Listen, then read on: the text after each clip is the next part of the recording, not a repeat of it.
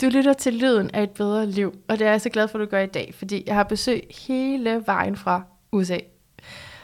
Og øh, det er faktisk sådan et øh, løfte, at øh, jeg laver den her, fordi jeg, laver, altså, jeg holder jo sjældent mine løfter her i lyden af et bedre liv. Ofte så er der sådan nogle cliffhangers, hvor jeg siger, at den her person kommer tilbage, og så kan du sende dine lytterønsker. Og jeg laver mange spændende ting, som så aldrig bliver til noget.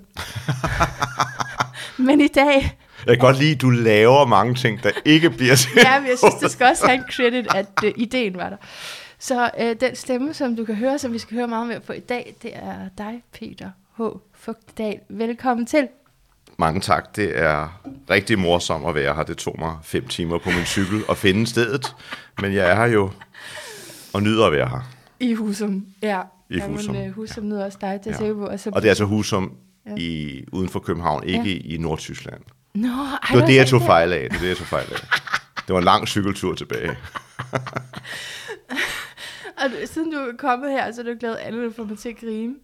Øh, så, og det gør du også i dit forfatterskab. Det er det, vi skal tale om. Det, hvis lytterne er i tvivl om, hvorfor jeg siger, at det har med cliffhanger, så er det fordi, vi har talt sammen i anledning af en anden bog online. Men nu skal vi tale om øh, Letmælks Profeten, som er en roman, du skrev for snart mange år siden. Ja, det er min debutroman, helt tilbage fra 1991, hvor de fleste lyttere måske ikke var i live, det ved jeg ikke. Men den er rigtig gammel, den Ja. er rigtig gammel, og øh, den er, jeg har skrevet, jeg har skrevet 14 romaner, og det er helt klart min morsomste, men som jeg altid siger, på ingen måde den bedste. Men hvis folk vil grine, og i forvejen øh, godt kan lide satireformen, og så er det en satire på hele New Age-verden. Og da jeg sad og skrev på den i halvanden år, dengang var jeg, havde jeg en ret stor profil som astrolog. Og jeg var egentlig lidt bange for, at de alle sammen vi bliver rasende på mig inden for den verden, fordi den laver exceptionel grin af guruer og selvhøjtideligheden i den verden. Men det modsatte skete. De elskede den. Jeg har næsten aldrig hørt et ondt ord om den i New Age-verdenen. De elskede den. Jeg forstår både din frygt, og så forstår jeg også glæden, fordi jeg har jo selv læst den, og, og det er nemlig bare så fedt, at du inkorporerer sådan nogle ting. Ja, både satiredelen, men også at man sådan lige kan læse lidt om nogle stjernetegn, og så laver du nogle karakterer sådan baseret på det, virker det til. Det, det gør jeg egentlig ikke, synes jeg. Nå. Øh, altså i, Jamen, der var det jo Løve, Pluto og s- skuespillere, og der var, Nå, på den måde, Ja. ja, det kan du godt sige. det var meget sjovt. Det kan du godt sige. Altså, jeg nævner, hvornår han er født. Ja. Og dengang, du har faktisk ret, fordi dengang for 31 år siden, lavede jeg et fiktivt horoskop for mig selv, og legede lidt med det. Ja. Og det er der jo nogen, der tror, nu har jeg jo langt romanforfatterskab bag mig, og det er det, jeg beskæftiger mig meget mere med end astrologi. Der er nogen, der tror, jeg altid har lagt horoskoper for mine personer, når de er astrologer. Det har jeg aldrig gjort, kun i den roman. Kun den her. Ja, kun i den. Det har jeg aldrig ellers gjort. Det nogle gange kunne jeg lige, sådan, man kan ikke lade være, fordi man er gammel astrolog og tænke, at den mand har måske den og den konstellation, Præcis. eller den og den kvinde har tre planeter i 8. hus. Eller, mm, Ja, ja, ja, ja, nemlig. Det er meget sjovt. Hvorfor er det så, at vi taler om den her nu? Det er, fordi den er blevet genudgivet. Har- Hvor Ja. meget har du revideret ved den i, til, op til genudgivelsen? Ikke voldsomt meget, men det var faktisk en interessant oplevelse, fordi det var jo en anden tid i 1991. Jo. Og jeg er helt sikker på, at hvis der er nogen af dine lyttere, der elsker at blive krænket, så læs den, fordi den vil godt kunne forarve nogen i forhold til, hvordan hovedpersonen opfører sig over for kvinder. Men det er jo også det virkelige liv, at der er mm. folk, der gør det, og især i gurubranchen har vi jo simpelthen så mange historier om seksuel misbrug. Mm. Så det her er en mand, der starter øh, med at have clairvoyante evner. Han er ikke kun astrolog, han er meget, meget clairvoyant, og ender simpelthen med at være uofficiel rådgiver for landets udenrigsminister.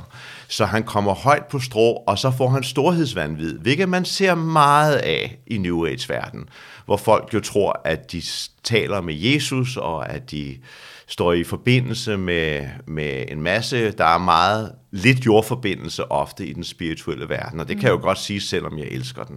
Mm. Så hvad hedder det, den drejer sig lidt om guru-tilbedelse, kan man sige, og derved er den faktisk alvorlig nok, for på den vis er det faktisk en klog bog. Men hvis Ja, man ikke jeg. kan... Nå, tak for det. Ja. Ja, jeg synes, den er klog. Og. Ja. og jeg, du har allerede svaret på mit første spørgsmål, som er jo lige det her med at sætte scenen. Altså, han hedder Gregers, hovedpersonen, ikke? ja, Og han tror, at han er Gud. det ender han med at tro. Men, Men han starter også med det, for vi starter der, hvor han tror det, ikke?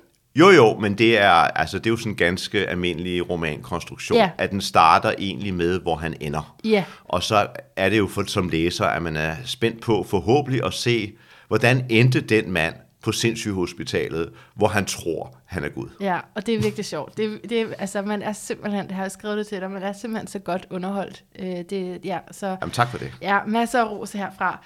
Øh, men det, som jeg har lyst til at spørge dig til med den, med den her indledning, det er fordi, der er meget, jeg kan godt, godt fornemme fra starten, at det er en satire, men og, øh, og kender jo også lidt din skrivestil, at der er de her sjove øh, karikaturer, men der er også en meget ærligt eller sandt i det, han siger, ham du- Gregers. Men ved du hvad, jeg har aldrig, altså nu skal du huske igen, den der er 14 romaner siden. Ja, Og ikke alle mine noget? romaner er humoristiske. Nej. Altså, og, og jeg har aldrig som forfatter nogensinde fundet tilfredsstillelse ved bare at være morsom i godsøjne. Jeg er jo ikke stand-up comedian. Der, det, der skal være masser af alvor bag galskaben. Jo, jo. Jeg skal ikke skrive. Nej. Så jeg er jo ikke bare en, der skriver morsomt. Altså, Nej. i øvrigt er min mest roste øh, roman, og, og den største succes er meget, meget mørk, der hedder Flødeskumsfronten fra 2. verdenskrig, så jeg skriver jo i flere genrer, men den her er, det, det, det synes jeg jo også selv, som jeg sagde, egentlig måske nok min morsomste roman, men der er meget alvor i den, ja. Ja, jamen det var der også i Mango-danserne, som er, er lige den eneste reference, jeg har, Ja, som vi talte om sidst. Men er endnu mere i den end der. Det er en roman, jeg har skrevet på, på engelsk, der er udkommet i USA, og udkommer i Serbien om to uger. Wow, hvilket jeg er meget glad for. Ja. Og den har også en dansk øh, version, der hedder Det Store Glidefald, men jeg skrev faktisk The Mango Dancer på engelsk, før den på dansk. Det er to forskellige versioner. Og den handler også om guru-tilbedelse, så jeg har lavet i mit forfatterskab en cirkel. Aha. Min første roman handler om det, og min seneste roman handler også om det. Det er lidt sjovt. Det er ikke så bevidst, som folk nej, tror. nej, nej, ej, hvor sjovt, ja. Så det er en, det er en guru-cirkel, jeg Og beskæftiger hvad siger du, mig den Mango-danser, er den mere, mere hvad? Mere Den er mere alvorlig og mere, og mere litterær. Ja, altså, okay, den er også den langt bedre sproglig. Du ved, som forfatter vil man jo godt have et godt sprog. Ja. Det er en langt, langt bedre roman, på den måde. men den her er meget, meget sjovere. Ja, og altså grunden til det med det sjove, det er jo ikke fordi, som du siger, det er jo ikke bare fordi, man sidder og host, hakker sig og griner igennem. Det, der er jo også en, en handling og noget drama. Det, der bare Ja, er det. så fedt ved, at det er lidt sjovt, ikke? Det er, når man har lidt svært ved at holde koncentrationen. Ja, ja, altså. læse. Ja, ja, Sådan en altså. som mig, som synes, det kan, så kan også blive lidt langt at skulle læse en bog, så er det bare så fedt, at der lige er noget, der fanger. Det er helt rigtigt, og jeg, jeg, det op. jamen, jeg har det også altså, som livsfilosofi, at, at, at, at ligegyldigt hvor litterær man er, og den der bog er ikke specielt litterær, men den er, det, det er en god roman, ikke? Men altså Ja. ligegyldigt, så synes jeg egentlig, at man har en pligt for ikke at kede folk ihjel. Ja. Altså selv når du skriver meget alvorligt, ikke? Ja, Altså, og i mine alvorlige romaner keder jeg heller ikke folk ihjel, tror jeg. nej, Så nej, fedt. Jamen, det er jeg enig i, Det, det, altså, det er godt. ja. Okay, men så i blandt det her, altså, hvor han egentlig har en, en forvirring om, hvem han er, Gregers, Ja, ja. så er det, jeg synes, han også siger noget, som er ret sandt. Skal jeg lige læse? Vil du, eller skal jeg læse op? Hvad vil du Nej, helst? du læser bare op, og så, okay. så griner jeg. Ja. så roser du. Ja, det er fra side 14 allerede. Så han øh, er jo ved sådan at, at fortælle, at, ja, at han er Gud. Det er det, det starter med. Ikke? Og så siger han her på side 14. Mennesket vil så frygtelig gerne have orden. Mennesket vil forstå universet og kræver derfor en brugsanvisning. Ellers får det tynd mave. Og da mennesket ikke kan lide tynd mave, har det opfundet religionerne. Men Gud er ikke religiøs. Gud vender sig ikke mod Mekka, og, har ingen, og ingen har nogensinde set ham på en talerstol i Grundtvigskirken. Gud er intuitionen, og intuitionen er den indre stemme. Og så går det så videre over i mere øh, selvforhøjelse. Øh, Ja. At det så er mine ord og sådan noget. Men, men lige det der, det kunne man jo godt have tænkt, jamen det øh, er meget rigtigt. Jo, men jeg mener jo, altså, og jeg håber, og jeg er faktisk glad for, at du nævnte det, der, der er sgu meget visdom i den, mm. altså fordi jeg kan, jeg bryder mig ikke om kun at være morsom, som sagt. Jeg Nej. skriver ikke tegneserier, jeg skriver ikke farser, der er farse-elementer i den, men det er jo dybest set, som du fanger, også en ganske øh, alvorlig bog, og det øh, inde bag alt latteren, ikke? Og, og, og jeg giver jo også Gregers ret i det, han skriver, at, at jeg mener, det er en meget stor misforståelse at tro, at, at, at religionerne nødvendigvis har noget med Gud at gøre. Det er lidt en provokation at sige det. Men hvis man systematiserer folks tro og opfinder en masse dogmager og begynder at udskille 95 procent af verdens befolkning, fordi de ikke tror på samme måde, så synes jeg, og det er jo det, religionerne gør, når de er mørke. Mm. Hvilket religionerne bliver lige så let, som politikere bliver det, og som alle vi andre bliver det. Ja. Så er religionerne ofte jo virkelig mørke, der ikke har særlig meget at gøre med tro. Troen må komme indenfra. Troen må komme fra hjertet. Og for mig, som er mystiker, hvilket jo betyder, at jeg altid, og det ved jeg i alle liv, jeg kender til, har jeg stået uden for religionerne, men haft en stærk tro, og også blevet dræbt for det Ja. som sjæl. Og det er jo det, mystikere, og vi har et andet ord for det, når der er kvinder, der har været der, og det hedder hekse, som jo meget ofte var, var, var meget lyse væsener, der jo prøvede at hjælpe folk, men fordi at det ikke... øh, Fordi at de gjorde ting, man ikke må i kristendommen, så blev de jo dræbt, ikke? Og mm så har det ikke noget med sagen at gøre, men en af grundene til, at jeg hader Christian den 4. og aldrig forstår, hvorfor han i alverden skulle være Danmarks nationalkonge, han dræbte jo 5.000 uskyldige kvinder som hekse. Og, og det er også derfor, jeg oplever jo også, at mange i New Age-verdenen ved, at de har været hekse i tidligere liv. Og det tror jeg er rigtigt, netop fordi, at man går ud i en skov, og man finder Gud i naturen.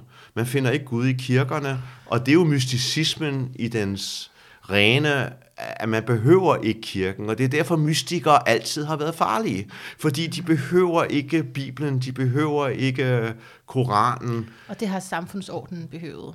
Altså. det er samfundsorden, og det er den kontrol, der er jo indbygget i religionerne, ja. fordi ligegyldigt hvor smuk du er, når du starter en religion, så kommer egoet, det kryber ind, og så skaber det sine dogmager, og hvis du ikke følger dem, så får du hovedet krabbet af, eller som heksene bliver du druknet eller brændt på bålet.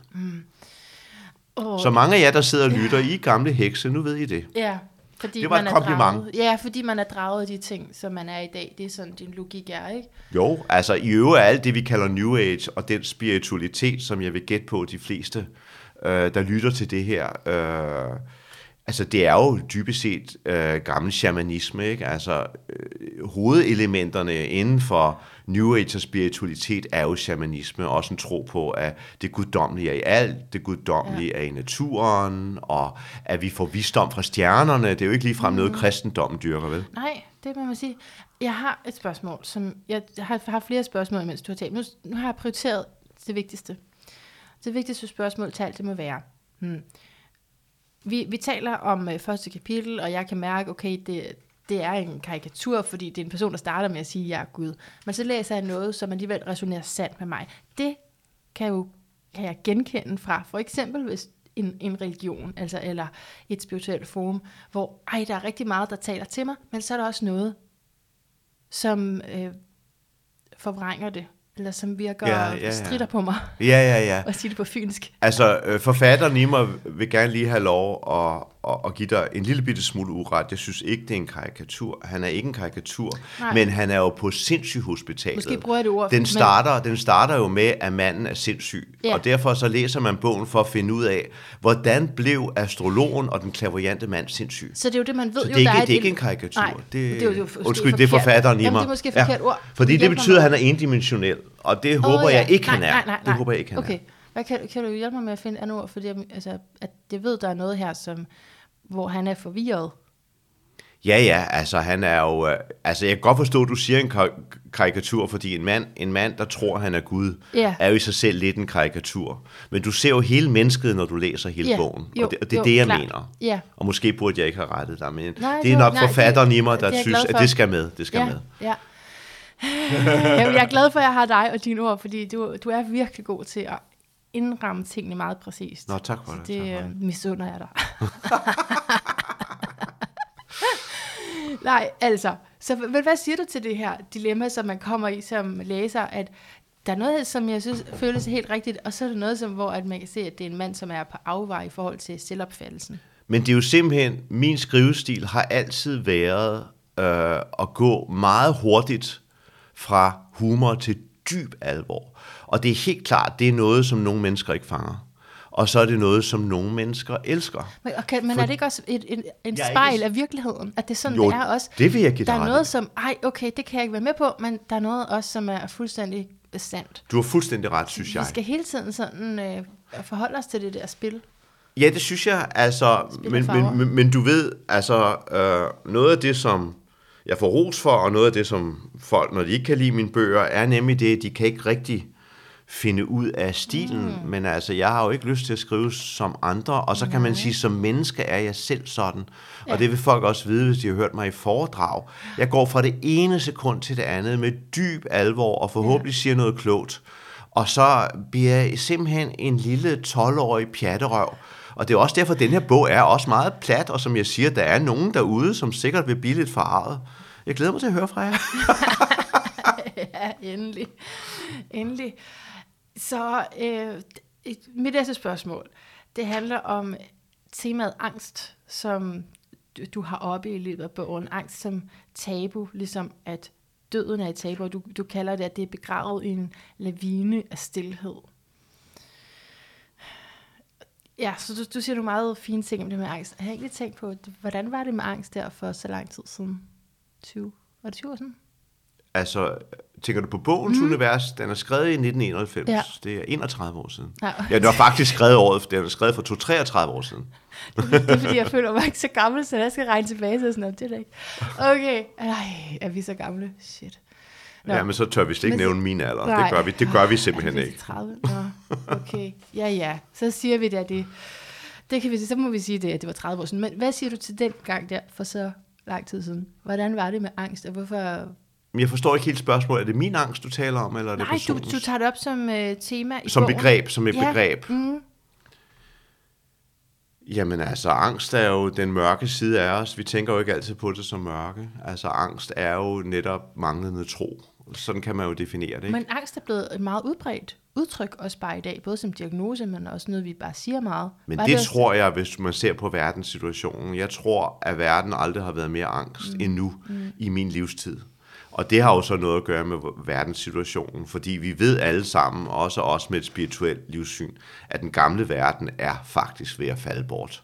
Og det er da angstprovokerende, når, når, når systemerne ikke virker, når vi måske om nogle måneder vil opdage, at vi ikke engang kan hæve kontanter i vores bank, mm. når, når vi ikke kan få, altså for eksempel alt det, vi er så vant til, som for eksempel kaffe, tror jeg, der kommer et tidspunkt, vi ikke kan få. Mm. Altså alt bliver jo, alt ændrer sig jo nogle gange meget hurtigt, og nogle gange meget langsomt, og vi har i øjeblikket jo også en reel fare for at en krig, der er meget tæt på os. Mm. To og en halv time i et fly, ikke? Jeg har været meget i Ukraine, og har derfor taget det her meget personligt, fordi jeg har så mange, mange venner, og en af mine romaner er udgivet i Ukraine, så jeg har det der helt personlige forhold til det også, og, og se det folk blive massakreret, som at igen, det lyder egoistisk, har behandlet mig som pænt, og som jeg oplever som, som et fantastisk land. Ikke? Altså, mm. Selv hvis man ikke har det med Ukraine, som jeg har det, det er så tæt på os. Ja. Og, og, og det repræsenterer, hvis en krig ikke tæt på vores grænser ikke repræsenterer angst, så ved jeg ikke, hvad jeg gør.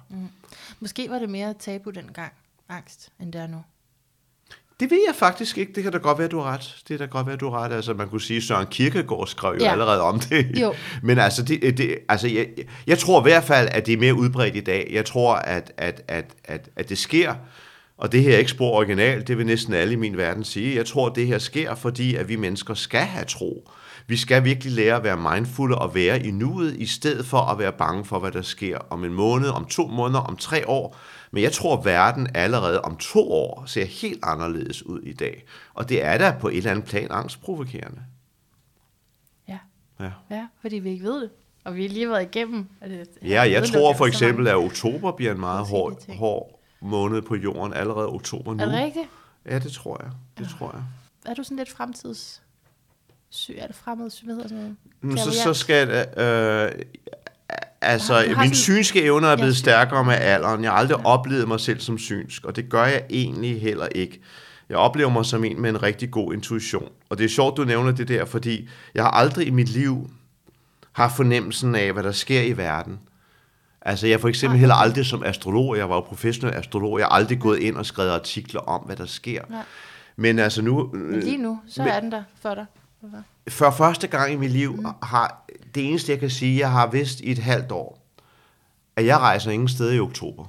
Men det betyder jo ikke, at hele verden ikke skal gøre det. For det er jo, altså jeg tror, vi får vores personal guidance Det er min guidance. Ja. Og så tror jeg godt, at jeg kan komme til at projicere den ud på verden. Men, men hvad jeg tror er sandt, det er, at tingene spidser sig til. Det behøver man altså ikke lytte til mig for at tro på. Altså alt i verden, polariseringen mm. bliver større overalt. I øjeblikket også, altså der, der er oprørende, altså vi behøver ikke tænke, jeg, jeg tænker ikke på atomkrig, når jeg siger det. Mm. Jeg tror ikke på, at der bliver atomkrig, men jeg tror bare, at alt i øjeblikket, der er konflikter, tilspidser sig. Hvad og så skal vi gøre ved det? Og så bor, jamen du har kun et valg, det er at hvile i dig selv, mm. og have tillid til, at du er det rigtige sted, på det rette sted, opfinde, finde roen, gå ud i skoven, og finde roen i dig selv, og så vil du finde ud af, hvad du skal gøre. Hvis vi går i panik, så er vi lidt fortabte. Jo. Men hvis vi finder roen i os selv, altså det er mindfulness 101. Mm. Og det er jo også det, verden har brug for. Verden har ikke brug for vores vrede over højrefløjen, hvis vi er på venstrefløjen, Nej. og omvendt. Vi, vi har ikke brug for den ekstreme vrede, som antivaxerne har, mm. har mod det etablerede, og vi har heller ikke brug for videnskaben, der konstant tror, den har ret. Mm. Vi har brug for at være ydmyge, vi har brug for at være åbne, og hvis vi er fanatiske, som mange antivaxere er, og som mange på den videnskabelige fløj, der mener, at alle svarene er der, så skaber vi en værre verden, og nu ved jeg godt, at jeg provokerer nogen ved at sige det. Vi er nødt til at finde the middle ground, mm. og vi er nødt til at være i ro selv. Mm. Og det er jo derfor, meditation er exceptionelt vigtigt. Og hvor fungerer den bedst i naturen? Vi har aldrig haft mere brug for naturen, Ej. end vi har nu. Og, det vi ødelægger den, men den eksisterer mærke. altså stadig. mm. så, så, så på sin vis er jeg optimist. Jeg er ikke optimist på den korte bane, på den længere bane er jeg. Jeg er ikke en af dem, der tror, at verden går under, og at uh, Men der den længere bane, atomkrig. er det sådan mange tusind år? For jeg så sådan en sci-fi Nej, jeg tror også hvor- lidt i min livstid, og jeg er jo gammel, jeg er 66, mm. selvom jeg har en krop som en Ja, det må 65-årig. nok sige. 65 år. Skide godt. Okay, aber, så, nå, jeg prøver lige at, at komme tilbage til mit oplæg, ikke? Fordi så er jeg bange for, hvad jeg roder mig ud i. Ja, Øh, så Jamen, jeg er også god til at ende helt andre steder, end jeg skal, så... ja, Vi har lige ø- ø- ø- vi har jo fundet ud af, at vi begge to er født uden jord i vores horoskop, så den her samtale kan blive rigtig mærkelig. det bliver rigtig sjovt. og du øh, flyver med det der uden jord, og jeg, mere, jeg kompenserer lige nu i hvert fald sådan, okay, tilbage med Det skal du også, det er dig, der leder det det, det er mig, der er den. Ja. Ja, okay. Her, ham her, Gregers, han starter, er med til at starte et åndeligt center, korrekt? Ja, Valmuecenteret. ja, Og så, han, er jo, så, han bliver også astrolog, ikke? ja. Så øh, på et tidspunkt, så bliver han så god en astrolog, at han ikke behøver horoskopet. Ja, Hvor har du den idé fra? den idé har jeg lidt fra mig selv. Og så skal vi altså lige huske en gang, jeg, jeg bliver meget forundret over, hvor mange mennesker, ikke, der ikke forstår, hvad en roman er. At de lynhurtigt oversætter det til, det er en selv. Det skrev du med det samme til mig også. Det her er, Jo, det men jeg, ikke jeg, en, jeg, øh, jeg er jo overrasket over, jeg er jo egentlig også overrasket over, at netop i vores spirituelle verden, som jeg jo helt klart er en del af, Ja. folk læser ikke romaner. Der er faktisk, altså det gør spirituelle mennesker desværre ikke særlig meget. Og det er som om, de ikke engang altid ved, hvad en roman er, fordi man læser meget litteratur om spiritualitet, men det er jo ikke en roman. Roman er, at man netop via fiktionen forhåbentlig siger nogle sandheder og får folk til at tænke. Men jeg er ikke grækers, men selvfølgelig bruger jeg ting fra mig selv. Klart. En ting, jeg fandt ud af, da jeg begyndte som astrolog, det var, at jeg har aldrig været en god teknisk astrolog, fordi jeg netop er intuitiv. Mm. Så jeg stoler langt mere på, hvad der kommer til mig, når jeg sidder med klienten, end jeg stoler på, hvad jeg har skrevet ned før, eller hvad standardbøgerne siger om Saturn kvadrat Mars. Så er vi tilbage til det med Gud og intuitionen, og det hele handler Ja, om altså, så jeg, den har jeg faktisk okay. taget til mig selv, fordi ja. jeg skal fortælle dig en sjov historie. Første gang i mit liv, jeg trådte frem som astrolog, var i 1988. Og jeg skulle holde et foredrag, og jeg var meget, meget nervøs. Jeg havde skrevet otte siders noter. I det foredrag på halvanden time, kiggede jeg ikke på noterne en eneste gang. Ej, Jeg behøvede det ikke. ej, Men jeg altså. tror stadigvæk, at det var vigtigt, at jeg gjorde det. For det gav mig jo trygheden. Ja, Så, så, så, Du så, gjort du, så du rammer egentlig noget meget sjovt, fordi det er lidt mig. Bare jeg er ikke klaverjant, jeg har ikke så mange evner, som han har. Det har jeg helt sikkert ikke. Men jeg kan sige, med alderen stiger, så kan man sige min, altså mine fornemmelser. Og en af grundene til, at jeg oplever mig selv så meget relativt heldig her i det her liv, det er, at jeg er, er, er relativt god til at tage valg og, og fornemme, hvor det går hen af. Men ikke i verden. Det er kun den der oktober, jeg har haft en fornemmelse af i år. Ja. Ellers har jeg ikke. Og I grin gerne af mig i november alle sammen. Nej, jeg tror, at... Men jeg tror, at der sker Mm, meget i verden, men det er ikke nødvendigvis det, vi tror. nej. Nej, men og jeg tror, at altså, alle astrologer er sådan, "Åh, hvad skal der ske nu, ikke? Fordi, Jamen, alle astrologer har jo også sagt allerede fra alle, alle det, det, det, jeg synes, der er så interessant på engelsk, det er, at 2020 er jo noget, klaverjante astrologer har talt om. I det mange år, der var ingen, jeg ved af, der forudsagde, at det Nej. var en, en virus, der vil Nej. ændre verden. Men det, der er så sjovt, på, det ved jeg ikke, om du ved, på, på engelsk, det er, at 2020, 2020 vision, det er perfekt at se. Det er simpelthen så genialt for universet. Så i 2020 bryder verden sammen, og vi begynder at se, at den ikke fungerer. Og det er covid, der er vores store lærer. Så 2020 vision, det er the perfect vision. Vi begynder at se, hvad det er, vi har. har du set den serie, der hedder Sige? Nej, Og det er anden gang nu, jeg reklamerer for en eller anden streaming-serie. men det er da fint. Nej, ja, det ved jeg ikke. Men øh, jo, altså det, jo, jeg synes faktisk, den er virkelig god. Nå, men det, den er, bare- det er bare at se på engelsk, ikke? Sige, Ja, ja. ja, hvor, hvor der ikke er nogen, der kan se på nær et par stykker, og de bliver totalt udskammet og forfulgt. Selvfølgelig. Ja, så Det er jo også verden, altså, det er jo også derfor heksene bedræbs, for nu vende tilbage til den, ikke? Ja, ja fordi de havde ja. en ekstra sans. De havde en ekstra sans, mm. og de fleste af dem brugte den jo positivt. Ja. Men de blev brændt alligevel. Og så var der dem, der selvfølgelig ikke gjorde det, fordi enhver ved, at linjen mellem hvid og sort magi er hård fin. Og det er også den, vi dyrker som astrologer, hvis vi sidder og, og begynder at fortælle astrologerne om, om, om ting, og for eksempel, som jeg kan huske nogle historier, som man også gør. Der var simpelthen astrologer, der var kendt for at bruge det som en måde at komme i seng med sine klienter på, ikke? Fordi Ja. der er jo ingen, der siger, astrolog er jo ikke et bedre menneske, end en, en der står i en viktualhandler, jo. Vi bliver jo alle sammen hele tiden fristet. Så Ja. hvid og sort magi er noget, vi alle sammen, intet med klaverjance at gøre, det, det er noget med hele dagen. Altså man kan sige, det jeg ønsker noget menneske ondt, er det faktisk sort magi. Så hver eneste lytter, der sidder her, Ja. har været sorte magikere og hvide magikere. Mm. Bare det, jeg ønsker mig, at det skal gå dårligt for nogen, det er faktisk sort magi. Mm. Fordi det er energi, der kommer ud i verden.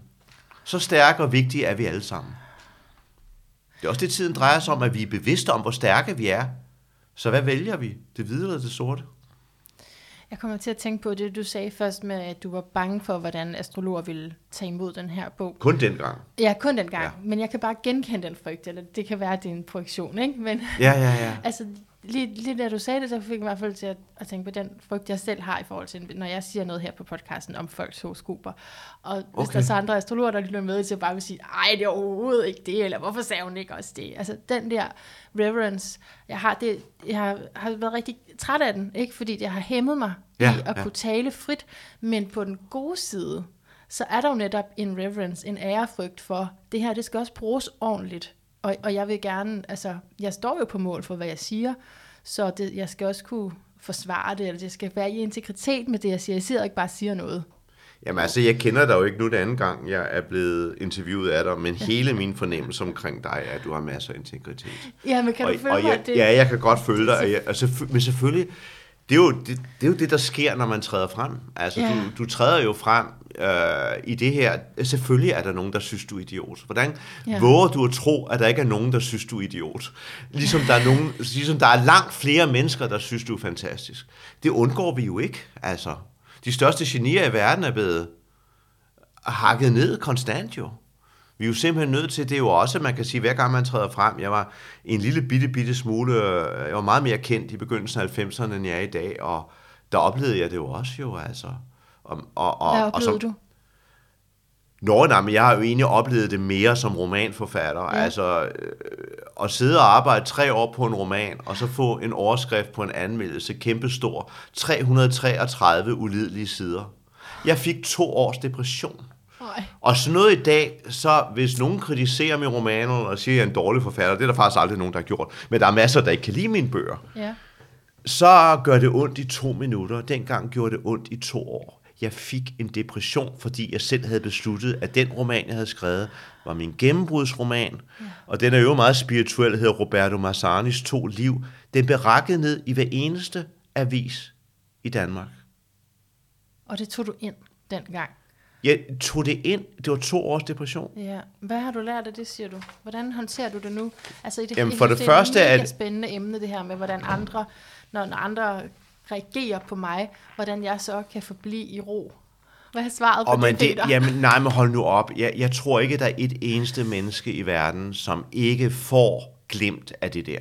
Mm. Det skal du huske. Ja. Og altså, nogle gange er det også, jeg har, har kendt nogle mega berømte mennesker, øh, og har lavet den kæmpe dumhed til en af verdens, jeg vil ikke sige, hvem det er, en af verdens bedste romanforfattere i verden, hvor jeg kom til at sige noget, der sårede ham så meget. Jeg kan huske, at jeg tænkte, hvordan fanden er det muligt, når manden mm. var en... Han var... Han har to gange været tæt på at vinde den næststørste litterære pris i hele verden, der hedder Booker Prize, Okay. som udgives i UK. Han har solgt millioner, og jeg kom til at såre ham så meget, at jeg aldrig så ham igen. Nej. Og jeg tænkte, hvordan kan, at jeg nævner en anmeldelse i en lokal avis, der var dårlig? Jeg nævnte det for ham. Han blev slået fuldstændig ud af det. Jeg ødelagde venskabet. Nej. Så, så husk nu, at ligegyldigt hvor berømte folk er, har de, hvis de ikke har arbejdet med sig selv, en lille femårig dreng. Og det var ham, jeg ramte, og det var ikke min mening. Og et eller andet sted er jeg stadig ked af det. Så, det. så det skal vi bare huske. Hver eneste du beundrer, er jo et menneske, der har arbejdet sig frem, og har nogle ømme punkter, vi ikke kan kende. Ja. Og man kan sige, at jeg er så nået et sted nu, hvor det er sværere at såre mig, men det er da bestemt også muligt. Mm. Jo. Altså, jeg fik faktisk en sejr. Jeg skrev en roman, der hedder Det Egyptiske Hjerte i 2015. Og det er jo så min 13. roman. Der skrev jeg en roman, som jeg selv synes igen var den bedste, jeg har skrevet. Ligesom i 1996 var Ja. den, jeg nævnte før, hvor jeg gik ned i to år. Jeg gik ned, altså. ja. ja, så du havde samme følelse af, det her, det er det bedste. Ja, og jeg var meget klar over, at nu var der en fare, når Ja. jeg selv Ja. igen begynder at fortælle mig selv, at det her er smågenialt. Ja, hvis du i hvert fald afhænger af andres reaktioner. Så. Hvis jeg for afhænge af andres reaktioner, og der var skæbnen hård ved mig, men det var Hvad på en helt anden måde. Du tror, det her er løgn. Jeg fik en af mine største drømme opfyldt, og derefter gik alt galt. Så jeg troede jo, at nu var den der. altså, du fik gode anmeldelser. Hvordan skal du høre Ja, ja, historien? ja, nu får ja, du historien.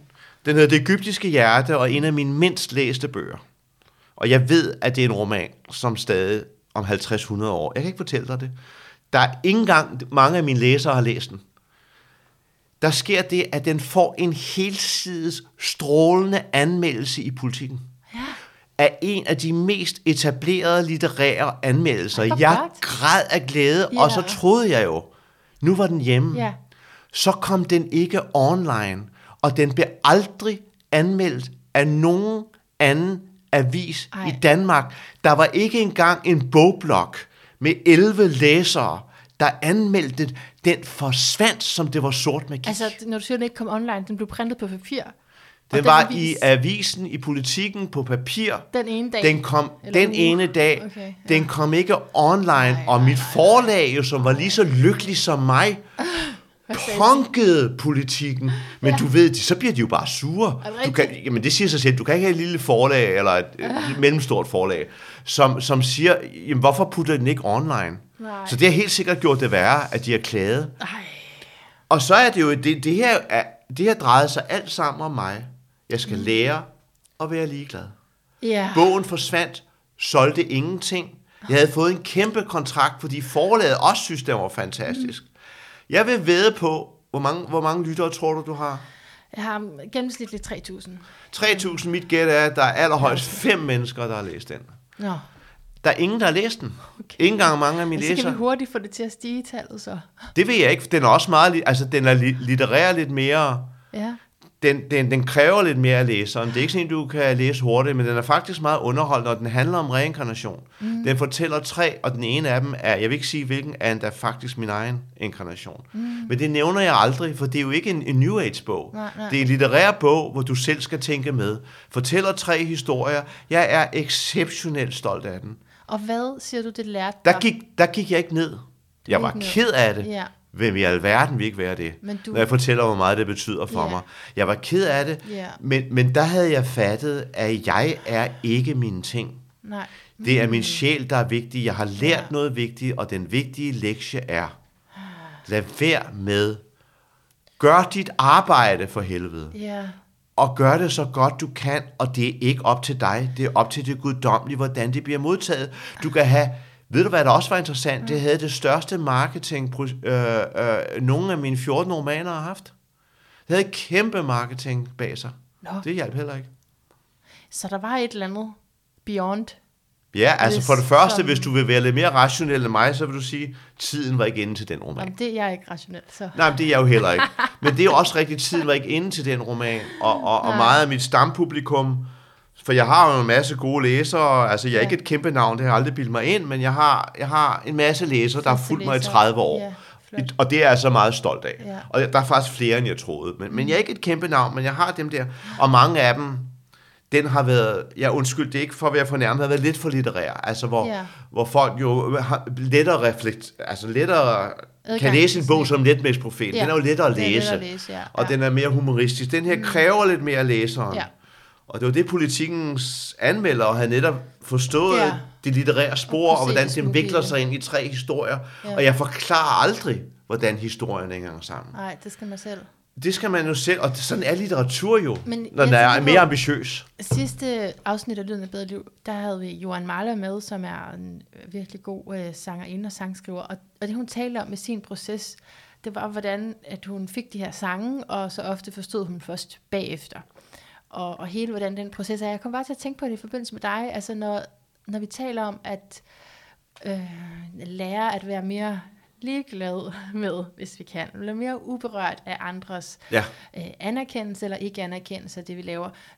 Du, du har jo tydeligvis en gave, ikke? Og du har tydeligvis fået en, en inspiration forskellige steder fra, men jeg tænker sådan, du, du er åndeligt connected for, for at kunne lave det her. Så, Ja, det er blevet ret klar over med Ja. alderen. Altså Så- også så er det fordi ikke- det, det falder mig... så er det ikke sådan noget med, at det skal, det skal ud, eller hvad? Jo, at, at, det skal ud. Så, så, så, Det så skal det kan ud. ikke rigtig være anderledes. Nej. Altså, Og jeg håber nu, når jeg sad og snakkede om, om, om at jeg håber at ikke folk bare hører det som, som en sorg omkring en anmeldelse, men at I simpelthen tager jeres eget liv. Præcis. At når I har puttet noget ud i verden, og det behøver ikke være et kunstværk, eller øh, det er ligegyldigt hvad, om det er, I starter en forretning, som, som jeg hele hjertet med i, og så folk er totalt hamrende ligeglade. Ja. Så jeg håber, at hver eneste af jer kan overføre det. Og det Ja. er jo en livslang lektie, og den er eddermame hård, men jeg har åbenbart haft brug for den, og jeg har også et, på det plan har jeg et hårdt horoskop. Jeg, jeg har faktisk ikke fået så meget forærende i min karriere. Altså fordi jeg har skulle lære det her. Altså det har været meget hårdt, fordi jeg er så oversensitiv. Jeg er også månen på skorpionascendanten, ikke? Altså det er, jo, det er jo en, der er overfølsom over for alt.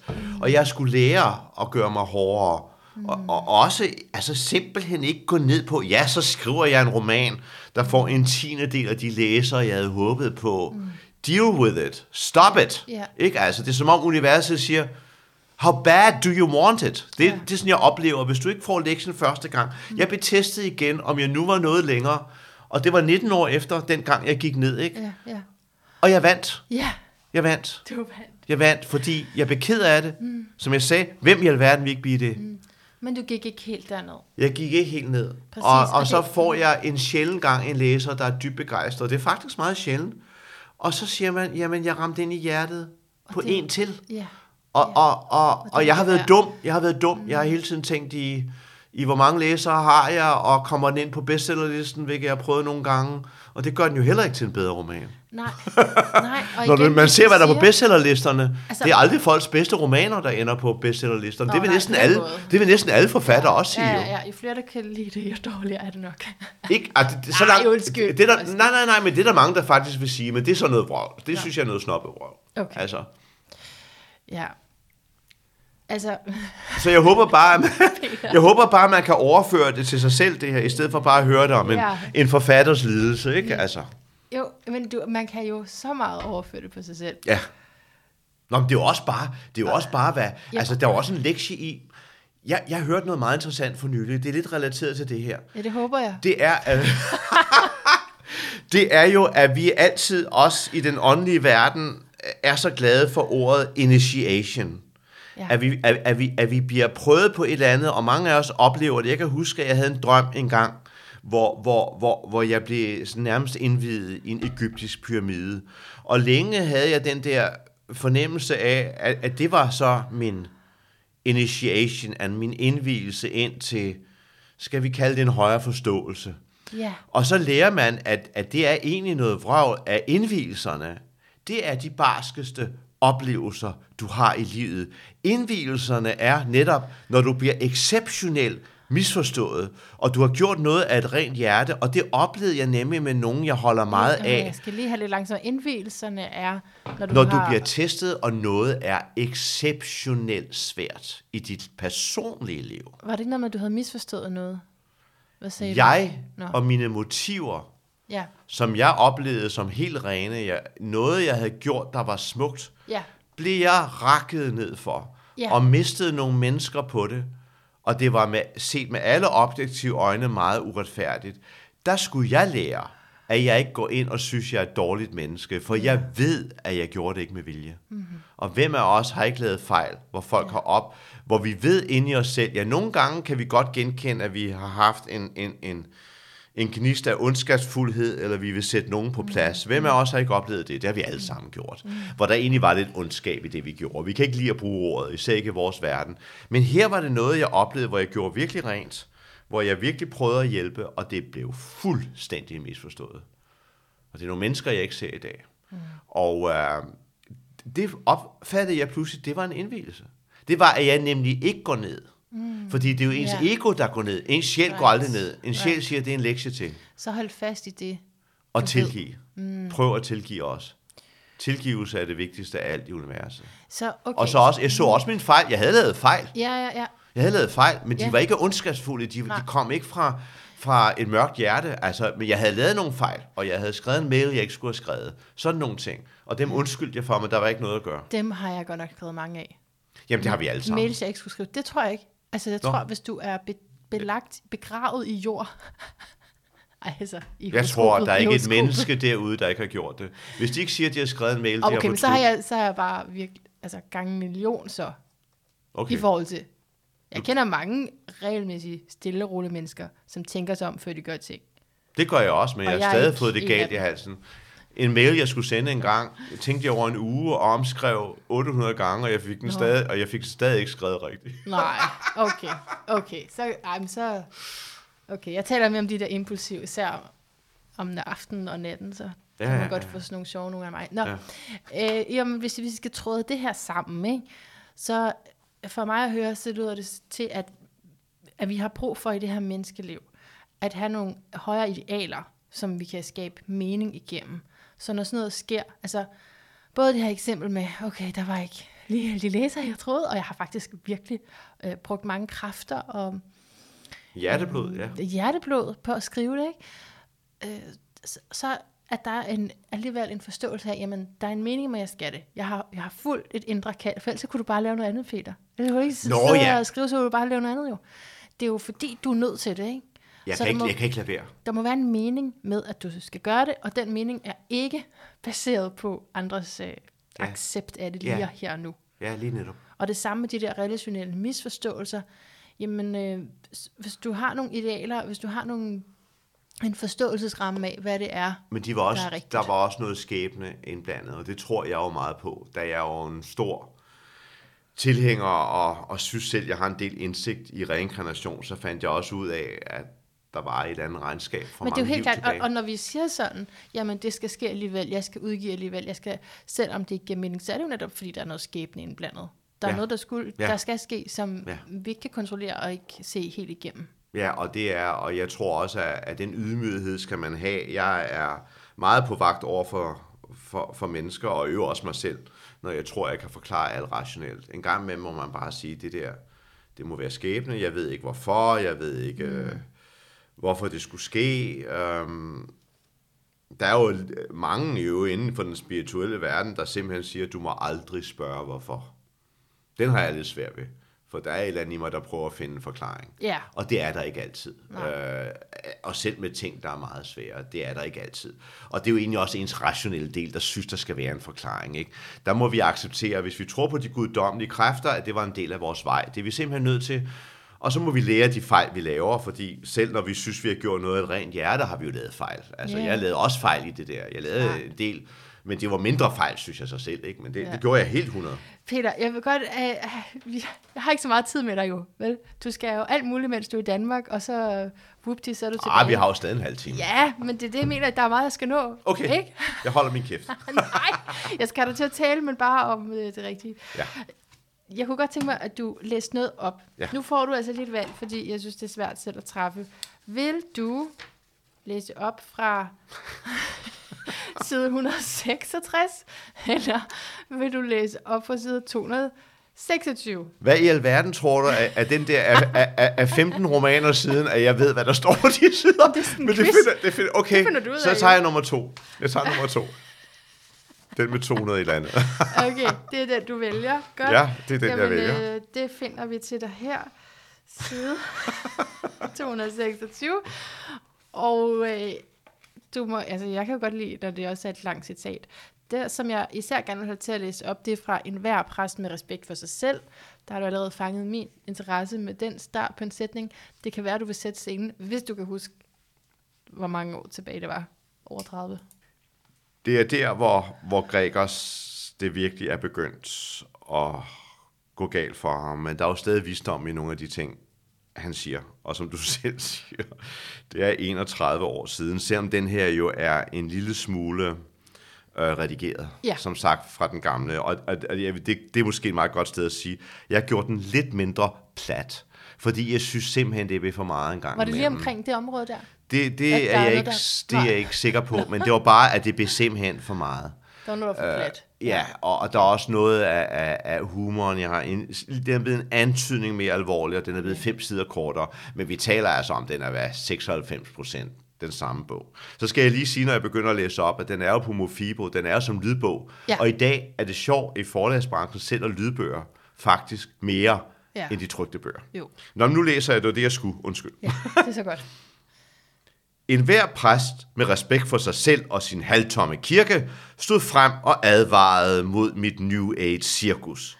Der beskrev vrede kronikker om, hvor farlig jeg var, og jeg blev kaldt for en folkeforfører og en illusionist, som stod i djævelens vold.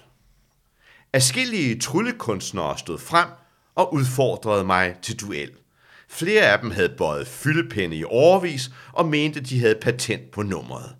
Dygtige videnskabsmænd med hoveder i ringbind blev inviteret på tv for at forklare fænomenet mig. Var der alligevel mere mellem himmel og jord, eller måtte videnskaben endelig indrømme sit nederlag over for psykiske fænomener? Hele Danmark blev interesseret i mystik. Og i begyndelsen af december så 15 mennesker en UFO lande i Knuttenborg Safari Park. Da tre af vidnerne var kommunalpolitikere, blev hændelsen taget alvorligt, især da man fandt spor. Havde der været invasion fra Mars? Og hvad vi de fremmede i fucking Bandholm? En kendt skuespillerinde stod frem og bekendtgjorde, at hun også var blevet bortført af en UFO, og at stjernemenneskene talte albansk. Den historie var der dog ingen, som troede på, men det var helt sikkert, at mystikken var kommet til Danmark for at blive. Bøger om astrologi, tarot, healing, krystaller og spøgelser, der gik igen, solgte som varmt brød, og en hver familie med respekt for sig selv vidste snart, hvor de havde boet i deres sidste inkarnation. Så det er jo i den her historie noget, som sker. Men er det, er det en fremtidsforudsigelse, eller var det inspireret virkelige hændelser lige det her? Jeg mener ikke, der er nogen fremtids... Øh, hele den her verden var endnu større dengang, end den er i dag. Okay, så det, det Jeg kunne kan- sagtens ske for en øh, lille by, at lige pludselig begyndte det her at blive taget. Nå, undskyld. Mener du det? Altså, jeg ja. mener jo mere, fordi den jo taler om, at, at, at mystikken eller spiritualiteten breder sig. Jeg troede, Ja. det var det, du mente. Ja, jo, ja. For, fordi dengang var astrologien jo for eksempel langt større, end den er i dag. Lang, lang, lang større. Slutningen af 80'erne og begyndelsen af 90'erne var top. Altså, det ved du også. Du kan også mærke det som foredragsholder. Øh, et lille, jeg har jo skrevet den der astrologibog, der hedder Kan man træde på en vandmand, som Ja. jeg jo talte om sidst. Ja. Det Nå gik, ja, i det syv, det om. gik i syv oplag. Vi taler øh, om begge to. Ja. der gik i syv oplag i, øhm, den talte vi også om lidt Minder jeg ikke? Gjorde vi ikke jo, det? jo, vi talte begge to. Den gik, den gik i syv, syv, syv oplag dengang, og var en kæmpe bestseller i 1990. Og i dag, den udkom sidste år, en, en, der, var- den var meget kraftigt revideret udgave og langt bedre. Den solgte i to oplag, hvilket er fint, men det var intet imod, hvad der skete før i tiden. Så det der med Knuttenborg, det kan du godt kalde lidt satire. Altså bortset fra, UFO'er kan jo rent synes, det faktisk fedt. vise sig overalt jo. Ja, jeg synes, det er fedt, at fordi at nogle af dem var i kommunalbestyrelsen, så blev det faktisk taget seriøst. Men det er jo også lidt rigtigt, Ja, ikke? det er da så rigtigt. Fordi altså, hvis sådan en som, som, som du og mig ser den, Ja. så vil man sige, at manden er jo i forvejen astrologisk baggrund, og du har de der fuldstændig syrede, vanvittige øh, podcast, ikke? Ja, ja. Men det er jo ikke engang løgn, vel, at når, når, en, når en politiker, eller en eller anden, hvad skal vi sige, en eller anden, en eller anden videnskabsmand, Ja. også begynder at sige, og, og, og der kan jeg jo da lige sige, at jeg aldrig har haft det store forhold til UFO'er, selvom jeg synes, det siger jo sig selv, at selvfølgelig er der liv på andre planeter. Tanken er så sindssyg, at man næsten ikke har ord for det. At det er jo bare et univers af milliarder. Vi kan jo ikke engang tælle, så stort er det.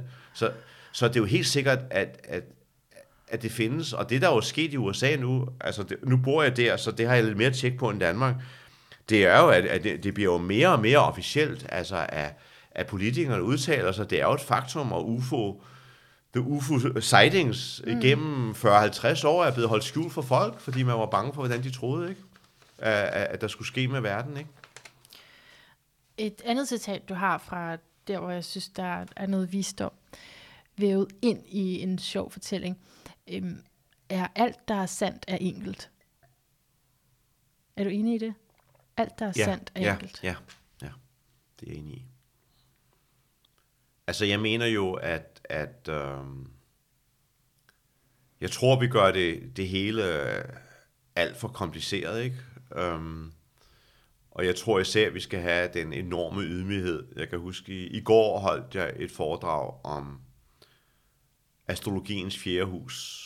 Gjorde du? Ej, vil du ikke holde det her også? Jo, det vil kan, vi, gerne høre. det kan vi da godt finde ud af. Det kan vi godt finde ud af. Jeg kan, Nej. godt, jeg kan godt lide, jeg kan godt lide dig, og godt lide den måde, du angriber det på. Men, men der holdt jeg om det, og det holdt jeg om DNA, fordi jeg har haft nogle meget store oplevelser. Jeg har igennem 30 år haft oplevelser omkring min tidligere liv, men nu er jeg blevet lidt mere videnskabelig, fordi DNA er jo også voldsomt interessant, og jeg tror, der er en Så det er sådan slægt... kombination. Ja, det er simpelthen øh, otte generationer tilbage, Okay, okay, okay. hvor jeg har fået kontakt med, med nogle af de døde ancestors, jeg har. Og øh, hvad skulle jeg sige med det? Jo, altså, jeg synes, det er meget vigtigt at anerkende, når vi snakker om for eksempel at snakke med de døde, som, som, som jeg gør en del, at, at vi kan aldrig være 100% sikre på noget. Mm. Og derfor, når folk kommer med meget, meget avancerede systemer omkring, hvordan reinkarnation, eller hvordan, hvad der sker, når vi dør, ikke? Mm. Altså, det, det, jeg tror ikke, vi ved alt, og jeg bliver altid lidt irriteret, når folk har en fuldstændig formel og mener, at, at de ved alt om, hvad der sker. Altså, jeg synes jo, at det er jo så dejligt, at sådan en som, jeg elsker sådan en som, som, som Dalai Lama, som jo ikke er bange for at sige, det ved jeg ikke. Og så har du en masse øh, guruer, som øh, slår sig op, og de ved alt. Jeg er meget nervøs, når folk ved alt. Det synes jeg er Ja. meget utroværdigt. Ja, men så skal man i hvert fald lige... Og reinkarnation fungerer sådan og sådan og sådan. Ja. Jeg talte med, med en dame, der fortalte mig efter foredraget, hvordan reinkarnation er fungerede. helt Så sagde jeg, at det er der ingen på verden, det er der ingen i verden, der ved præcist. Men det, og det er jo så øh, en af forskellene, hvis jeg siger forskellen, en af forskellene på du og jeg, det er, at du siger direkte til et andet menneske, det, det er ikke korrekt, eller sådan, ikke? Nå, nej, jeg, At siger, du nej, jeg ved ikke, om det er korrekt. Det er jeg ikke jeg, siger jo eller- mere, at, at, at, jeg tror, ingen ved det. Ja. Nej, det kan da godt være, at hun har ret. Jeg er sådan en, øh, der nikker, og så sniger jeg mig ud Nå, af okay. lokalet. Nej, det... Nej, men ved du hvad, jeg tror, at det er meget sjovt. Jeg tør jeg, tror, jeg tror nogle gange, jeg har en mission, øhm, en lille mission, undskyld, det her skal ikke lyde for krukket, men, men, men, men jeg er total antifanatiker. Ja. Og det er derfor, jeg altid er efter anti-vaxxers. De, der er mange ting, de har ret i. Og jeg er lige så meget efter de videnskabsfolk, der mener, at vi alle sammen er bindegale. For jo dybest set, mm. ren holisme er, er jo mig. Altså, men, men, men, men, men jeg tror, at nogen ved, som Nej. videoer for eksempel er om fem år, så er en tredjedel af verdens befolkning død, fordi der er bivirkninger ved vaccin. Altså sådan noget er rent sorte kunst i mine øjne. Det leder mig hen til et emne. Det må jeg slet ikke snakke om. Så- Det er også helt fint. Jo, jo, jo. Men det er bare, det er bare, det er bare jeg, står et, jeg står ofte et sted i midten, og det er måske fordi, jeg er tvilling, at hvis der er én Ja. ting, jeg har sandt for, så er det nuancer. Yes. Og de mangler i den her polariserende verden, også politisk, hvor alle på venstrefløjen er idioter, og det er minke og det hele, og alle på højrefløjen er idioter. Og sandheden Jeg har har en- det med at være lidt mere nuanceret, ikke? Jeg har en sang af Johan Marla, som du skal høre, som hedder Viver. Nå, okay. fordi hun har månetvilling. Nå, det her spørgsmål, det var ikke for at, at korte noget af det, du sagde, det er bare fordi, at der er nogle ting, jeg gerne vil nå, og tiden går. Og, og det er netop det, du taler om der, tror jeg. Mindre værd versus at overvurdere sig selv. Som er et tema, et stærkt tema i den her bog, synes jeg. Altså, hvor, hvordan finder man balance mellem det? Fordi mindre værd jo så siger man, om det, det kan jeg, Jeg det mener jo, slet det ikke. Jeg har slet ikke, jeg kan slet ikke stole på min egen intuition, for eksempel. Der har jeg også været, ikke? Slet ikke, har jeg kan slet ikke stole på sammen. mig selv. Ja. Og, og, og versus at sige, nu har jeg det helt kortlagt. Det er sådan her, det er.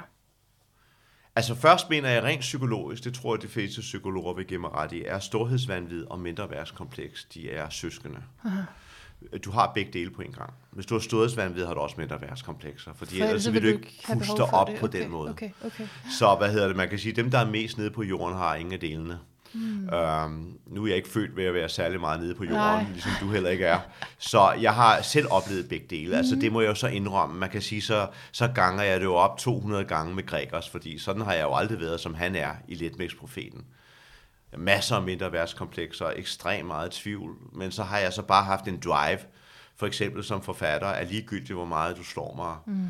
så kommer jeg igen. Ja. Og den har jeg ikke nødvendigvis altid haft som privatmenneske.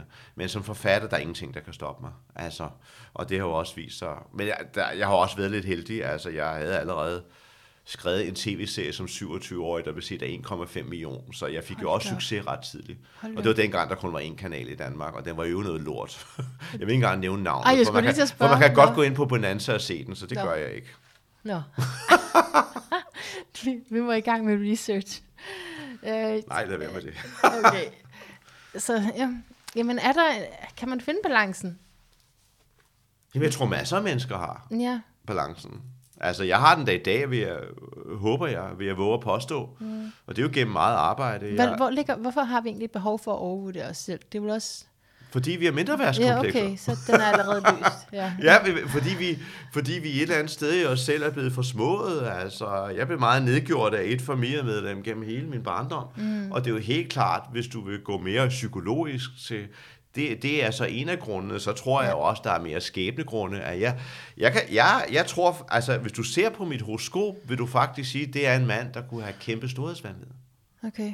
Men det du ikke ved omkring et horoskop, det er, om folk arbejder med det eller ej. Ja, skal man altid. altid huske. Du kan aldrig Altid. dømme horoskopet.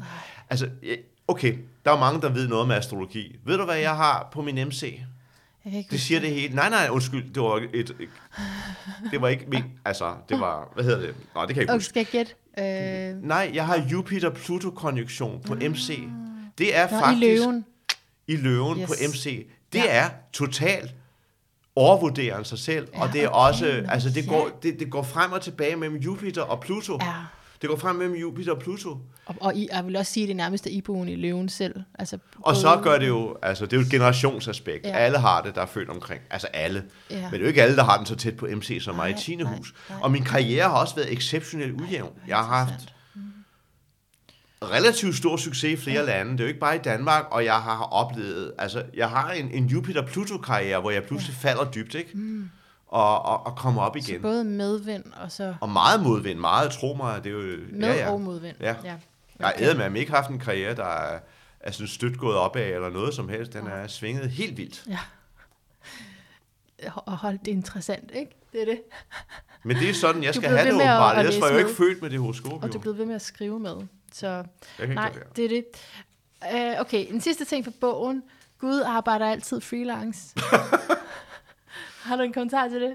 Ja, den kan jeg egentlig meget godt lide selv. kan også Den godt havde jeg helt glemt. Uh, nå, men det mener jeg jo, der mener jeg jo, når vi nu skal tolke min vittighed, Ja. der mener jeg selvfølgelig, at tanken om, at Gud findes i en religion, synes jeg er vanvittig. Og det er den tanke, der er ødelagt det mest i verden. Mm. Du har religioner, som er baseret på noget af det smukkeste, der findes i verden, og derefter beslutter du at have patent på den. Gud arbejder frilans. Ja. Ja. Gud findes i alle religioner. Gud er lige så stærk en præsens hos ateister og agnostikere, som det er i religionerne. Gud er, der, Gud er da ikke kristen. Gud er da ikke bare Allah. Gud er da ikke Buddha. Så vi kan oversætte Gud med sandheden, kan vi det? Ja, Og- og den vi kan også oversætte- sandhed. Ja. Og jeg ved, kan ikke huske, om vi også lidt talte om det sidste gang, mm, om det var off the record eller hvad, men jeg tror, vi, vi to talte i hvert fald om sidste gang også med, at hvordan det kan, det kan også bruges i andre sammenhæng, i det hele taget steder, hvor mennesker mødes, ikke? Ja, Altså, og om et bestemt emne. Ja. Så det kan være en bestemt uddannelse. Ja. Altså, jeg har set det rigtig meget i forhold til uddannelser. Nu er det det her, vi tror på. Det er den her øh, regelbog. Det, det er os, der har det her koncept. Det er copyright. Vi udbreder det i hele verden. Rigtig, rigtig godt velmenende intentioner. Det er et rigtig, rigtig godt koncept. Men det har bare en religiøs undertone, fordi nu er det det, der er det rigtige. Ja. Men det kan man sige om mange ting, der Det ikke er religiøse jo. Altså. Ja. I gamle dage, altså nu er, jeg jo den, nu er jeg jo den generation, hvor man jo kaldte alle kommunisterne og marxisterne for religiøse. Fordi deres gud var Karl Marx. Ja, ja. Og, og det var jo en meget, meget altså, dogmatisk politisk retning, og det er jo det, der er så interessant, at hvis man analyserer det, dem, der er på den yderste højrefløj og yderste venstrefløj, som hader hinanden, de har så meget til fælles, at man er ved at dø af grin. Mm. Og, deres, og hvad de har til fælles? Fanatismen. Mm. De er fuldstændig samme støbning. Det er lige før, man siger, at det er en tilfældighed. Det bliver de jo dybt fornærmet over, om de er på venstrefløjen eller højrefløjen. Fordi at de vil, de vil tage deres verdensorden og hive den ned over hovederne ja. på os, ikke? Okay, så Gud, eller sandheden, arbejder freelance. så rundt, hvor øh, man får flest penge. Ej, Det ved jeg ikke. det er mest interessant at være. Nej, så det er jo, øh, det er jo meget sjovt, du lige sagde med, hvis vi skal tolke på min vittighed. Ikke? Jeg tænker, at jeg har jo rigtig meget skytte, så jeg kan jo godt lide sådan at filosofere og, Ja, ja, ja. Det er da og sådan, en god ting. og virkelig få at forstå. Det er en god ting. Nå, men nu har vi 10 minutter tilbage, og jeg kunne godt tænke mig, at de blev brugt på at øh, trække kort, og så skal du sige, at din lyd er et bedre liv. Mm, så er du med? Ja. Jeg får, kan jeg Men hvad starter jeg med? ja, vi starter jeg tegner, tager vi tegner med, starter med korten her. Ja. Lige ved sådan en lakridsen, har du set, at der er sat lakrids frem? Dejligt, tak. til, når du nu bor i USA, så tænker man, det må du bare savne. Se, først skal du måske lige sortere. Ja. Her. Nå, okay. Ja, ja, for det, ved, det sjove Sådan. er jo min kæreste, der lægger kort professionelt i USA. Hun Kort har nemlig de her kort. Ja. Ah, okay. ja, hun bruger dem. Jamen, jeg tænkte, det sjove kunne være, hvis øh, at du træk og selv tolkede. det vil jeg gerne høre. Jeg synes, det er dig, der skulle tolke det. Men jeg tager, hinanden. den her bunke er meget mindre, men det er altså bevidst. Hvad spørger du om? Skal jeg spørge om noget? Ja, det synes jeg. Okay. Um, De skal jo svare på et eller andet. ja, det har du ret i. Selvfølgelig har du det. Um, giv mig energien på resten af 2022. Wow. Vandmand, Merkur, Tinehus karriere. Okay. Tinehus karriere, Merkur, kommunikation til offentligheden, Aquarius, hvis jeg nu skal være rigtig prætentiøs til verden, eller i hvert fald måske mere realistisk øh, sandheden om tiden, der kommer. Jeg ved det ikke. Hvad synes du? Ja, Hvad ja. synes du? Jo, det er jo, altså, det er jo ikke nødvendigvis et forfatteraspekt. Jeg tænker jo bare sådan. Du, du det- taler om energien til resten af det her år. Det Ja. er det, vi har spurgt om, ikke? Ja. Og, og vandbæren der, som står, selv står for fremtiden, Lige netop. og som vi også lægger til astrologien, så det er også sådan lidt håbefuldt. Altså astrologien bliver lagt til vandbærens arketype, ikke? Jo, jo, helt Det klart. at kunne se det udefra og oppefra. Og kommunikere omkring Ja, den tid, vi er på vej ind i. ja. Til, altså, altså, til, og Tinehus til en måske vi må gå ud fra, at det her angår dig, ikke? Jo, jo, Så helt ja, klart. at kommunikere, at, at det er en del af din... Det var mig, der tog den jo. Jeg tog det ikke på verden, jeg tog det jo på mig. Du tog det på dig? Ja, ja, ja. ja. Ja. Okay, godt. Øh, ja, så at din offentlige profil, tænker jeg også med Tine Hus, ikke? At det er noget, der sådan er synligt for andre, at du er sådan en, der kommunikerer omkring fremtiden, og så kan det jo godt være, at du bliver upopulær på det. Nå, nej, Åh, men altså, hvis jeg, ikke, hvis du- jeg ikke gerne vil, altså, jeg vil jo gerne være mere synlig. Ja. Ja, Fordi, altså, det ligger jo lidt i mit erhverv. Jeg vil krukke, hvis jeg sagde, at jeg ikke vil være mere synlig, og især jo også, fordi jeg, mine romaner solgte langt, langt mere for 15 år siden. Men det, det Tine Hus er jo så synligt, ikke? jo, jo, det og behøver ikke at være romaner, Merkur. det kan vel lige så godt være om, det er meget mere måske om, om det, vi, vi gør her lige nu jo. Ja, det er det, jeg Ja, mener. Så ja. vandbærens idéer der, det kan godt være, at de ikke bliver... Altså, at det virker anderledes på folk. Det er jo sådan, det er. Når Jo, man, men igen, øh, hvis du træder frem omkring noget som helst, så får du kritik. Ja, det er det. det, er det. Okay, Men det er jeg du, ikke så bange øh, for Er du mere, glad som for de kort? Jamen, jeg bruger dem næsten aldrig, altså, men øh, det er Jamen, er du min... glad for dem, du har trykket? Jamen, det er jeg faktisk, fordi at, at jeg må jo indrømme, at jeg er ambitiøs. Ja. Det vil jeg ikke løbe fra, det må man jo ikke være som spirituel, men jeg, jeg er ambitiøs. Jeg, jeg mener, at jeg har... Jeg mener selv, jeg er meget at give. Jeg vil gerne have flere foredrag, fordi efter covid, som alle kender til, har jeg næsten ingenting. Ikke? Og det, mm. Så ja, foredragsholder. Jeg har en workshop, som jeg jo holder i aften, der hedder Historierne, som lever i os, så den vil jeg da gerne hyres til. Og jeg tror, jeg kommer hjem i slutningen af maj, da verden ser ud, som den gør, så siger jeg, jeg tror. Ja. Og det vil jeg meget gerne hyres Ja. til. Ja. Øh, og det er, en, det er en workshop, der normalt tager to dage. Har holdt den, det lyder så prætentiøst i hele verden, men jeg har faktisk holdt den i både Hongkong og Norge og USA og Danmark. Men det er også så tydeligt, at du er et menneske, der har, altså du har så meget, jeg ved ikke, om man kan sige, at du kanaliserer det, eller hvad, men Jeg er jo ikke så at bevidst om det, men det, det tror jeg, det, altså det, det håber jeg, jeg gør. Øh, Måske skal jeg sige det sådan, men så er der jo også bare erfaring, jeg har jo nu. Jeg startede, altså jeg var fuldstændig ateist indtil jeg blev 30, ikke? Så det, og jeg er 66, ikke? Så mm. det er 36 år med det, det er jo også i går så en erfaring. Men ja, jeg håber da, jeg kanaliserer. Jeg synes bare, det er nogle gange er sådan lidt krukket at kalde det for det. Men det håber og tror jeg, da jeg gør. Mm. En gang imellem, så iblandet en masse Peter, ikke? og så ryger der selvfølgelig ting, der er totalt gale, og så ryger mit ego med jo. Jeg, jeg er jo et menneske jo, Ja, tror jeg. Jeg mener, jeg er et menneske. jeg sidder i hvert fald her og sveder. Jeg må være et menneske. du sidder her og sveder, kom sveder, mand.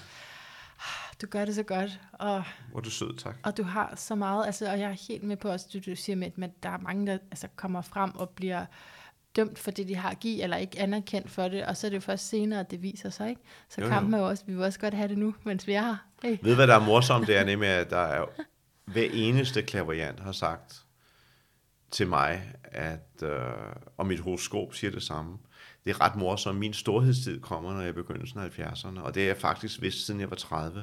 Og da en fortalte mig, der lagde horoskopet, at mine skriverier vil komme allermest ud, når jeg var slutninger... Øh, nej. Nå, når begyndelse- du begy- når er- jeg... Nå. Ja, ja, ja, det her er jo mine kort, ikke? Det er Jo. bare derfor, jeg siger det. Ja, og ja, ja. Aquarius står jo også for Jamen, det var fremtiden, fordi, jeg ikke? troede, du mente i 70'erne, men når du er i... Når jeg, undskyld, Ja. ja. jamen det er egentlig godt, du formulerer det. Når jeg kommer i 70'erne, Ja, okay. det fik jeg allerede at vide i begyndelsen af 30'erne jo, hvor jeg udgav lidt med profeten, og selvfølgelig håbede, at den ville blive en kæmpe sælger, hvilket den ikke gjorde. Ikke? Altså, der var er første gang, jeg var skuffelse. Ikke? Ja, ja, ja, ja. ja. Men altså det, altså, det er bare sjovt, at, at, at, at allerede for 40 år siden fik ja. Jeg at vide, at, det, at, at min storhedstid kommer faktisk først, når jeg er... Det er de fleste vil kalde ret gammel, ikke? Altså, Ja. du føler mig ikke særlig gammel, men øh, det er jeg jo, 66 år gammel, Ja. i mange øjne. Mm. Så. Ja, ej, jamen altså, fedt. Hvis det passer. Storhed men, øh, eller hvis ej, passer. så er du for vild og skøn at læse, og det er fedt og så inspirerende at mærke din... Ja, din Der er en grund til, at jeg godt kan lide at komme, og kan I godt høre det? Ja. Kom og få lidt medvind. Men nu har jeg også mødt dig personligt, og det har været Ja, det er ikke dejligt. Det var det, Ja. vores løfte til hinanden. Det kan altså noget andet, det synes jeg. Ja, ja, sidder det er bedre. Ej, det er helt klart Er bedre. det meget bedre? Det er helt klart bedre. Ja, det er det helt så. klart bedre. Nu vil jeg gerne Selvom jeg din... farer vild på min cykel Ja, herud til Husum. nu kan du vejen til Husum. Ja, nu kan jeg vejen til Husum. Ja, det er sådan et meget skummelt sted, jeg får folk ud, men det er meget sjovt. Det er en del af charmen. Ja, det er jo op af skov, det er sgu da ikke helt tosset. Nej. Men tak for det. Vi skal, høre, vi skal høre din lyd af et bedre liv, inden vi siger helt tak. Og der kommer sådan musik når du har et minut. Okay, 3, 2, 1, nu kommer Peter Fugtdals. Lyd af et bedre liv.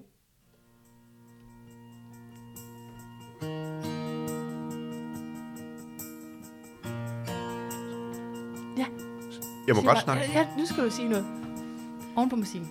Ja, men øh, lyden af et bedre liv, synes jeg, er øh, suset i en skov. Det er at gå i de franske alber, som jeg lige har gjort, og se på Mont Blanc og virkelig forstå, at det er levende. Det er en levende energi, der passer på os. Jeg er blevet meget shamanistisk med alderen. Der står et øh, kastanjetræ uden for, hvor jeg bor i USA, og pludselig sad jeg og så på det. Ikke engang i dyb meditation, og jeg vidste, at det træ beskyttede mig. Vi skal virkelig værne om naturen, fordi det er jo den, der står for naturen i os. Det er på en eller anden måde lidt det samme. Så at komme i kontakt med naturen i os selv, og komme i kontakt med naturen derude, er det allervigtigste. Ej, det var godt. Det var så smukt. Og du nåede det lige. Sådan. Jeg undskyld, jeg misforstod det faktisk, Nej, nej. og jeg troede, jeg skulle vente et minut med at snakke. nu skal vi lige høre et minuts musik. Ja, men det kunne det faktisk godt være. Ja, Ja, ja. ja, ja. Tak for Åh, det. Det, er, det har simpelthen været så godt. Jeg glæder mig allerede til de vidtigheder, du siger til mig lige om lidt, når jeg har slukket mikrofonen. det er fordi, det, det fortsætter jo bare ud af dig. Det er Nå, så gør fedt, det? ikke? Den her Aha. lækre tvilling-energi. Ja. Tusind tak for dit skriveri, fordi du har været her, og alt det, du giver hele tiden. Og tak til alle lytterne. Især dem, der kunne holde ud og høre hele programmet. Ja, de skal have en ekstra stor tak. ja.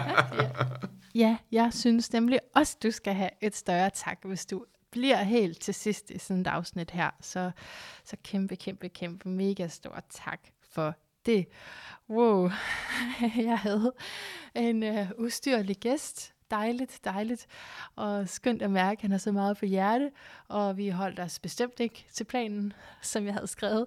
Men jeg fik da alligevel guidet os lidt ind på det. Og det var altså den her bog, Letmælks Profeten, som er blevet genudgivet på øh, Alhambra forlaget. Roman Alhambra Kriminalforlaget. Fodenlund. Nå, det ved jeg ikke. Den er lilla i hvert fald. Så øh, ja, endelig øh, læs med og fortæl Peter om din læseoplevelse, fordi det kan du også godt høre, at det vil han bare synes rigtig meget om, når nu det her virkelig er hans livsgærning. Hvad har du ellers for hjerte? Hvordan har du det derude? Jeg vil rigtig gerne høre fra dig. Du er velkommen til at skrive til mig. Du kender forhåbentlig min e-mail, som bare hedder ganske enkelt lyden af et bedre liv, snabelag.gmail.com, så du er altid velkommen til at være i kontakt og fortælle mig, hvad du øh, øh, går med for tiden, og eventuelt godt kunne tænke dig at høre om i fremtidige afsnit, og hvad du godt kunne lide fra for eksempel det her afsnit. Indtil vi høres ved igen. Gentænk alt. Måske især, hvordan du kan være tro imod det, som du fra øjeblik til øjeblik mærker, og altså derfor kan justere på, men som er din sandhed, og som er det, du ved er rigtigt her nu for dig.